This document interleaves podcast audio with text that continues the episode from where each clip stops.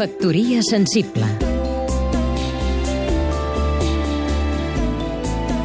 David Castillo, escriptor Philip Roth ha estat considerat un dels millors novel·listes nord-americans de la segona meitat del segle XX. Des de fa 10 anys aproximadament, Edicions La Magrana està publicant regularment totes les seves novel·les. Malgrat de que Roth es va retirar de la literatura al 2010 i diu que només publicarà unes memòries i ajudarà al seu biògraf, La Magrana ha continuat publicant moltes d'aquestes novel·les. Ara ho acaben de fer amb el teatre d'en Sàbat, la que molts dels seus crítics i seguidors consideren la novel·la més important d'aquest narrador de Newark, Nova Jersey.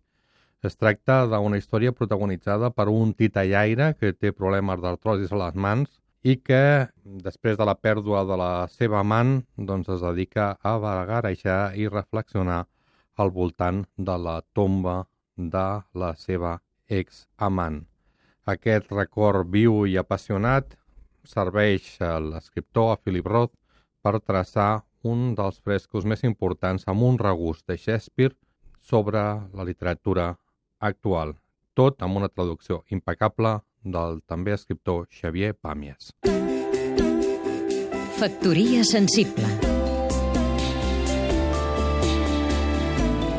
Seguim-nos també a catradio.cat